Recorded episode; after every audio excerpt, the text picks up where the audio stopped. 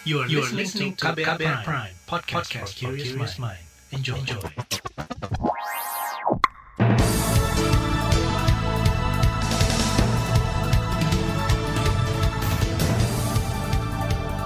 Selamat pagi saudara, senang sekali kami bisa menjumpai Anda kembali melalui program Buletin Pagi edisi Kamis 7 Oktober 2021 bersama saya Naomi Liandra.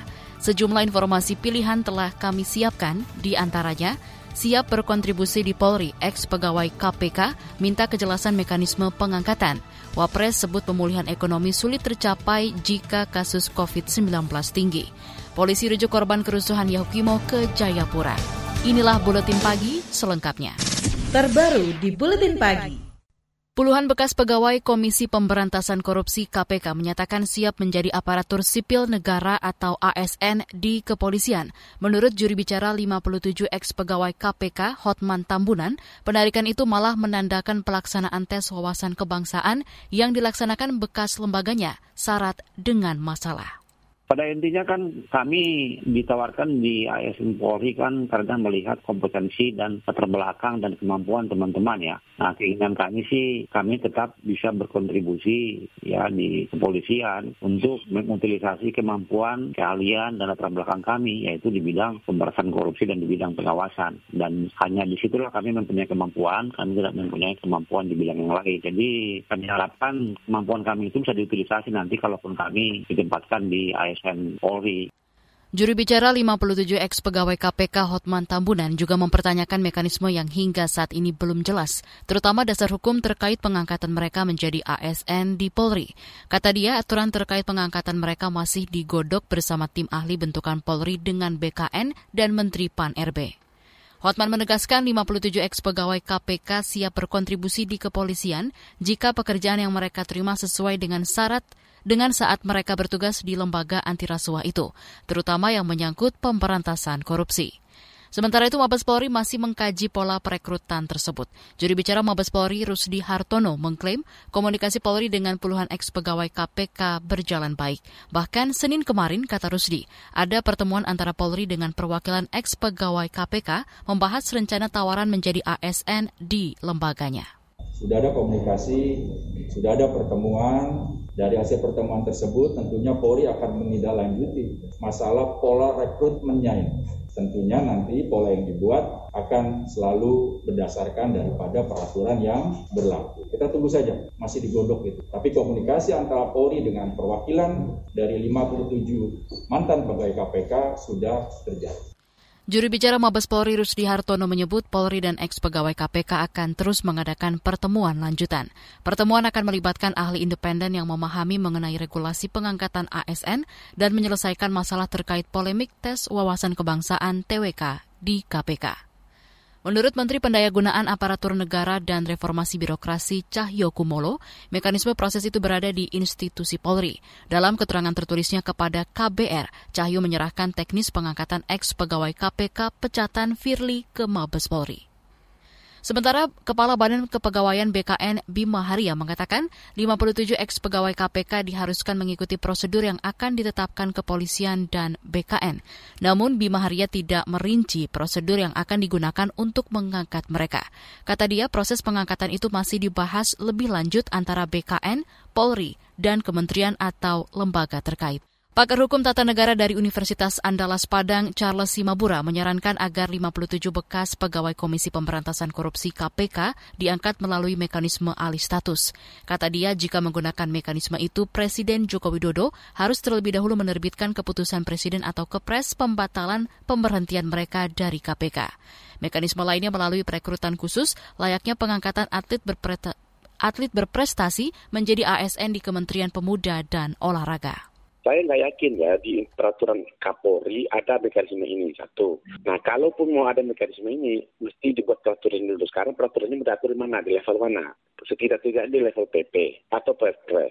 Daripada Presiden bikin PP, bikin Perpres, ini keluarkan Perpres itu. Gitu kan lebih simpel gitu. Ketimbang bikin PP, bikin Perpres yang prosesnya juga panjang dan juga justru semakin membuat tidak jelas. Nah, kalau jalur rekrutmen yang ditempuh, rekomendasi Ombudsman, rekomendasi Komnas HAM itu tidak terlaksana. Pakar Hukum Tata Negara dari Universitas Andalas Padang Charles Simabura menjelaskan, mekanisme pengangkatan melalui alih status bisa sekaligus menjawab rekomendasi Komnas HAM dan Ombudsman. Caranya, kata dia, Presiden mengangkat puluhan orang itu menjadi ASN kemudian ditempatkan di Polri. Charles menambahkan, jika Polri menempuh mekanisme yang ada, hal itu malah akan menyulitkan Polri, sebab selama ini belum ada payung hukum yang membolehkan Polri mengangkat warga biasa menjadi ASN.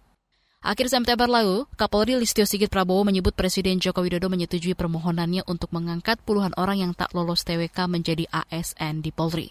Mabes Polri masih mengkaji pola perekrutan 57 bekas pegawai KPK untuk menjadi ASN. Pemerintah siapkan strategi khusus atasi anjloknya harga telur ayam. Informasi selengkapnya hadir sesaat lagi. Tetaplah di Buletin Pagi KBR. You're listening to KBR Pride, podcast for curious mind. Enjoy!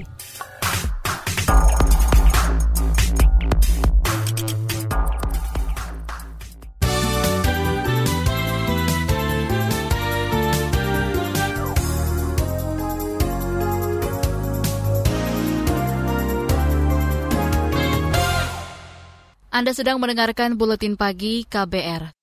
Wakil Presiden Maruf Amin mengungkapkan pemulihan ekonomi akan sulit terwujud jika penularan COVID-19 di masyarakat masih tinggi.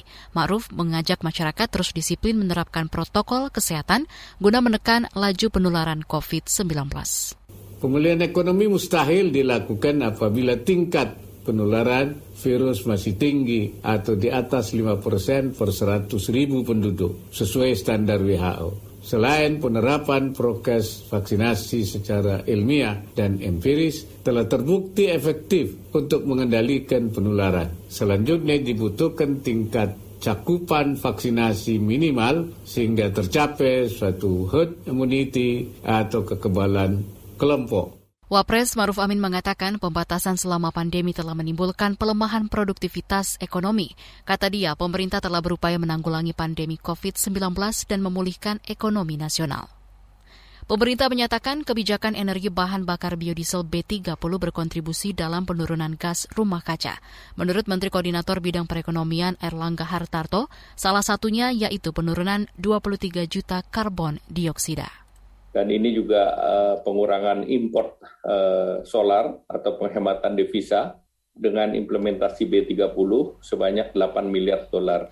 Menko Perekonomian Erlangga Hartarto menambahkan pemerintah terus mendukung penggunaan bahan bakar biodiesel B30 dengan menargetkan penggunaan mencapai 9 juta kiloliter tahun ini. Selain itu, pemerintah juga menargetkan capaian 23 persen bauran energi baru terbarukan pada 2025 sebagai energi nasional.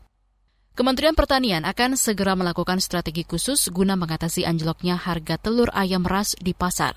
Usai rapat terbatas bersama Presiden kemarin, Menteri Pertanian Syahrul Yasin Limpo menyebut ada dua strategi, yakni penguatan hilirisasi telur ayam ras melalui pembuatan industri pengolahan telur, telur, telur dan penyerapan melalui program bantuan sosial atau bansos. Uh, beberapa agenda-agenda ya, dipersiapkan untuk menangani itu. Salah satu agenda adalah untuk agenda permanennya dibuatkan industri telur yang ada dan seperti itulah dalam perencanaan yang lain. Di satu sisi adalah bagaimana hasil-hasil ini bisa terjualkan, terbelikan dan juga masuk dalam program-program uh, katakanlah uh, penggunaan dari bansos-bansos yang memungkinkan untuk itu. Menteri Pertanian Syahrul Yasin Limpo mengatakan anjloknya harga telur ayam ras lantaran melimpahnya stok.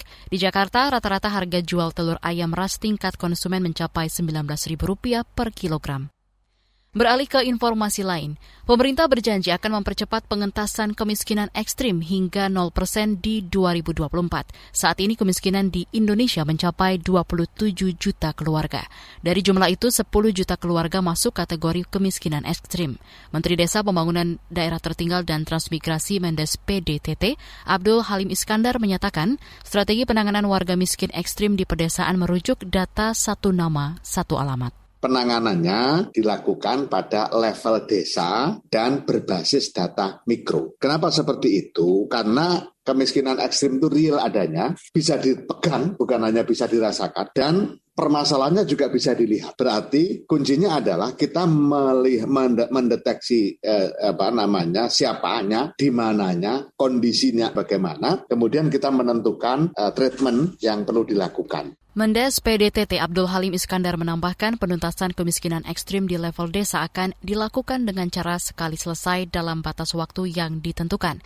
Kata dia tindak lanjut penanganan akan diusulkan melalui posyandu kesejahteraan yang dikembangkan di kantong-kantong kemiskinan ekstrim. Kementerian Perindustrian ingin ada regenerasi perajin batik guna meningkatkan kualitas dan inovasi batik di pasar global. Menurut Menteri Perindustrian Agus Gumiwang Kartasasmita, saat ini negara perajin batik di dunia tak hanya Indonesia, tapi juga Malaysia, Thailand, Vietnam, India, dan China. Saat ini kata dia Indonesia masih minim sumber daya manusia di bidang batik yang memadai. Sementara persaingan di pasar global akan semakin ketat. Tantangan lain yang dihadapi oleh industri batik faktor SDM. Dalam industri batik, jumlah tenaga kerja dengan kualitas dan keterampilan yang tinggi diperlukan. Kebutuhan SDM yang memiliki kemampuan untuk mengembangkan inovasi desain menjadi kunci. Sementara jumlah SDM yang memiliki keterampilan dan kemampuan desain semakin lama semakin berkurang. Pembatik batik tulis jumlahnya semakin terbatas dan banyak yang telah lanjut usia. Menteri Perindustrian Agus Gumiwang menambahkan pemerintah terus memberikan bimbingan dan pendidikan kepada generasi muda agar kualitas dan kuantitas batik Indonesia bisa terus berkembang. Kemenperin juga berharap generasi muda ikut melestarikan kain batik tulis maupun cat, termasuk memberi ide baru yang kreatif dan mengikuti kebutuhan global. Beralih ke informasi Pekan Olahraga Nasional di Papua. Lifter putri kontingen Jambi, Juliana Clarissa menyabet emas di kelas 55 kg pon ke-20 Papua. Juliana mampu mengumpulkan total angkatan 187 kg. Sementara di cabang layar, atlet layar tuan rumah Papua menyumbang dua medali emas di nomor optimis putra dan laser 4,7 putra. Di cabang olahraga selam kolam, Kontingen Jawa Timur memborong empat medali emas dari enam nomor final yang dilombakan. Hingga pagi ini peringkat perolehan medali dipegang Jawa Barat dengan 50 emas. Jabar menyingkirkan Jakarta yang mengantongi 47 emas di tempel ketat Papua dengan 46 emas. Kita ke kualifikasi Piala Asia. Timnas Indonesia akan berhadapan dengan Taiwan dalam playoff kualifikasi Piala Asia 2023 hari ini. Dalam pertandingan yang berlangsung di Stadion Buriram, Thailand itu, pelatih Timnas Indonesia Shin Tae-yong memboyong 29 pemain menghadapi Taiwan. Taiwan menargetkan Indonesia harus menang di pertandingan ini agar bisa meraih satu tiket ke babak ketiga kualifikasi Piala Asia 2023. Setelah pertemuan pertama hari ini, kedua kesebelasan akan kembali berhadapan Senin mendatang. Kita ke informasi mancanegara. Kasus harian COVID-19 di Singapura menembus angka 3.400-an. Dilansir dari Channel News Asia, angka ini merupakan angka tertinggi sejak negara itu mengalami pandemi virus corona. Dari tambahan kasus harian itu, 2.700-an kasus berasal dari kerumunan, 700-an dari tempat tinggal, dan lainnya berasal dari luar negeri. Sementara korban meninggal akibat COVID-19 juga bertambah mencapai 130 orang. Korea Selatan mengamankan pembelian 20 ribu pil antivirus COVID-19 yang dikembangkan perusahaan farmasi Amerika Merck Co. Menurut Perdana Menteri Korsel Kim Bokyum, dikutip dari Reuters, pemerintahnya telah menyiapkan anggaran untuk pengobatan 40 ribu orang dan telah menandatangani kontrak pra pembelian 20 ribu pil.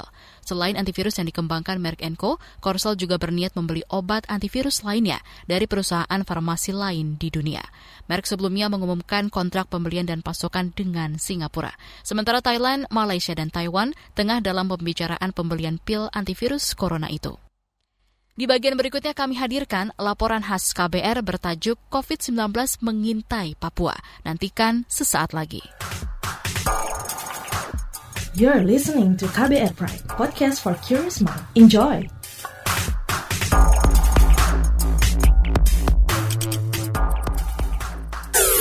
Commercial break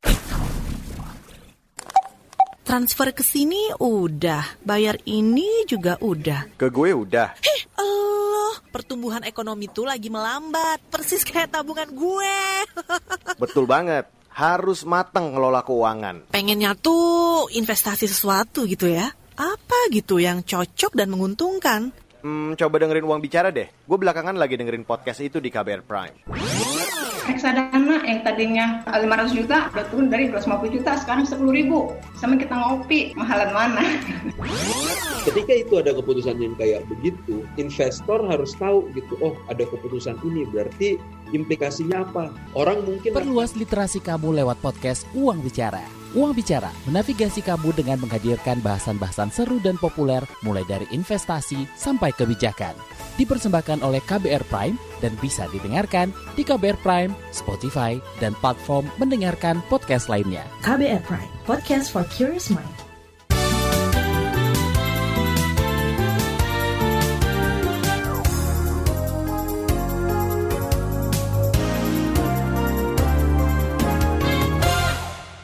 Anda masih bersama kami di Buletin Pagi KBR. Papua menjadi satu dari lima provinsi di Indonesia yang angka kasus aktif hingga tingkat keterisian tempat tidur di rumah sakitnya masih tinggi. Padahal provinsi ini tengah menjadi tuan rumah penyelenggaraan Pekan Olahraga Nasional PON. Seperti apa kondisi COVID-19 di Papua? Berikut kita simak laporan khas KBR disusun Reski Novianto. Satuan Tugas Penanganan COVID-19 memasukkan Provinsi Papua sebagai salah satu dari lima provinsi yang kasus aktifnya masih cukup tinggi. Juru bicara Satgas Penanganan COVID-19 Wiku Adhisa Smito mengatakan Papua berada di peringkat kedua dalam jumlah kasus aktif tertinggi di Indonesia. Lima provinsi dengan kasus aktif yang masih tinggi, yaitu Kalimantan Utara 8,33 persen, 8,83 persen, kemudian Papua 5,33 persen, Aceh 4 persen, Kalimantan Tengah 3,08 persen, dan Lampung 2,63 persen. Wiku mengatakan dampak virus corona di Provinsi Papua yang masih cukup tinggi juga terlihat dari keterisian tempat tidur atau BOR di rumah sakit rujukan COVID-19. Papua dan Aceh sama-sama masuk ke dalam lima besar kematian dan kasus aktif tertinggi minggu ini. Nyatanya juga termasuk ke dalam lima besar BOR tertinggi, dengan Papua sebesar 20,52 persen, dan Aceh 14,27 persen.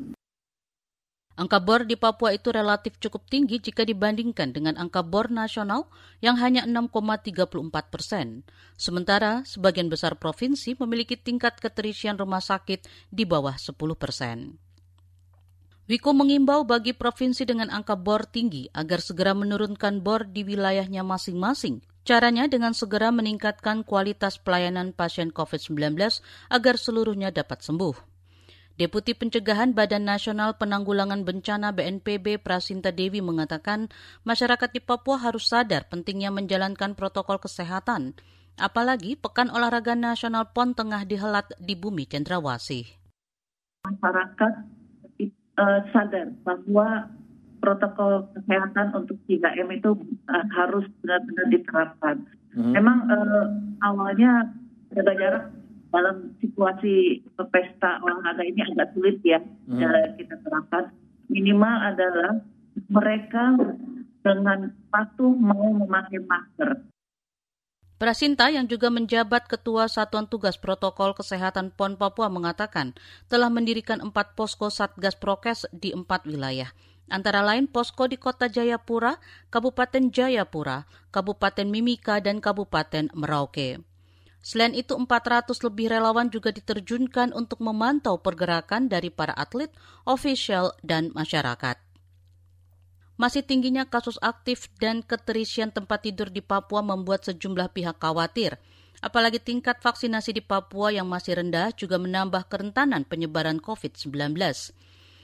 Kolaborator saintis lapor COVID-19 Iqbal Eliazar mengatakan capaian vaksinasi COVID-19 di Papua untuk dosis pertama baru 22 persen hingga akhir September lalu. Sedangkan dosis kedua baru sekitar 14 persen. Padahal kelengkapan vaksinasi ini sangat penting untuk memproteksi masyarakat terhadap ancaman penyebaran COVID-19. Kita lihat di sini bahwa untuk overall cara di Papua itu hanya 14 persen. Nah, kalau kita bicara lagi tentang targetnya, ya di sini ada sekitar 1,7 juta masyarakat umum dan rentan. Nah, itu level eh, apa, pencapaian dosis duanya juga masih baru sampai dengan 11 persen. Nah, kita juga lihat di sebelahnya yang target usia 12 sampai 17 tahun itu ada usia anak sekolah SMP SMA ya. Nah, yang bisa juga merupakan uh, kandidat penonton gitu. Nah itu kalau kita lihat vaksinasinya rendah sekali masih sampai 6 persen. Iqbal yang juga merupakan epidemiolog dari Ekman Oxford Clinical Research Unit ini menyatakan antara target dan realita vaksinasi di Papua masih sangat jauh. Menurutnya, disiplin protokol kesehatan dan pelaksanaan 3T tidak akan berarti jika masyarakat Papua belum tersentuh vaksinasi. Laporan ini disusun Reski Novianto. Saya Fitri Anggreni. Informasi dari berbagai daerah akan hadir usai jeda. Tetaplah bersama Buletin Pagi KBR. You're listening to KBR Pride, podcast for curious mind. Enjoy!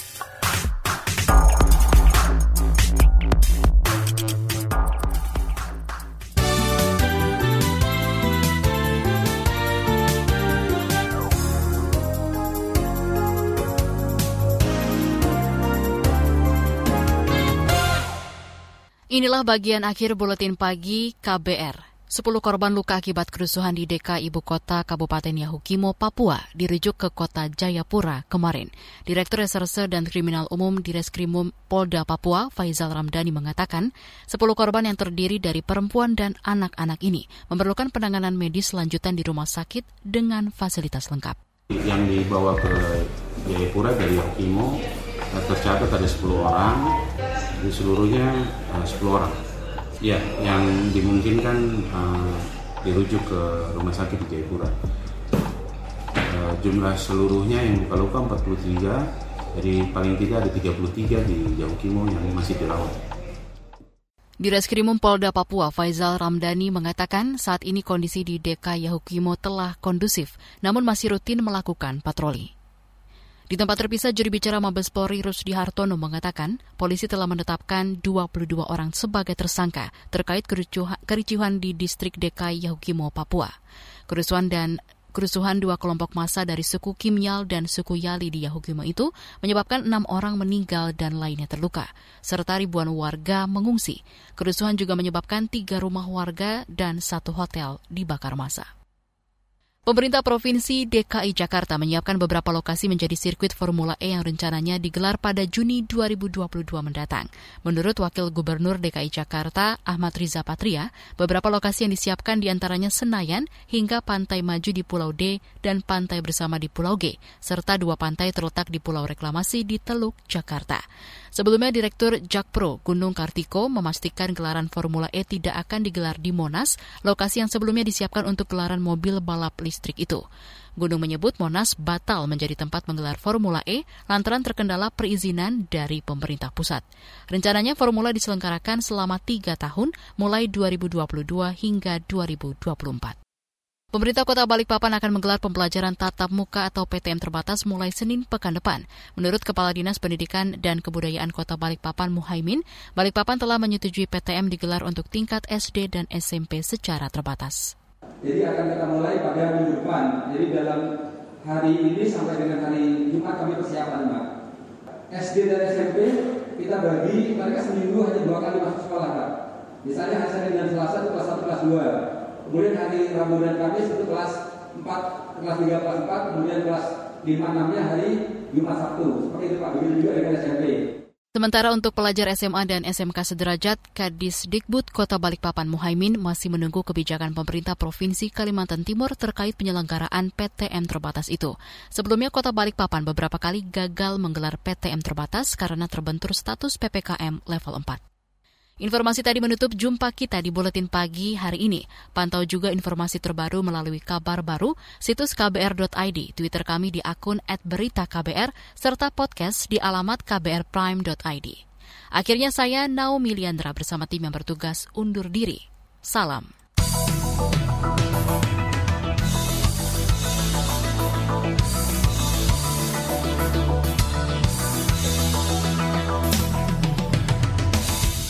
KBR Prime, cara asik mendengar berita. KBR Prime, podcast for curious mind.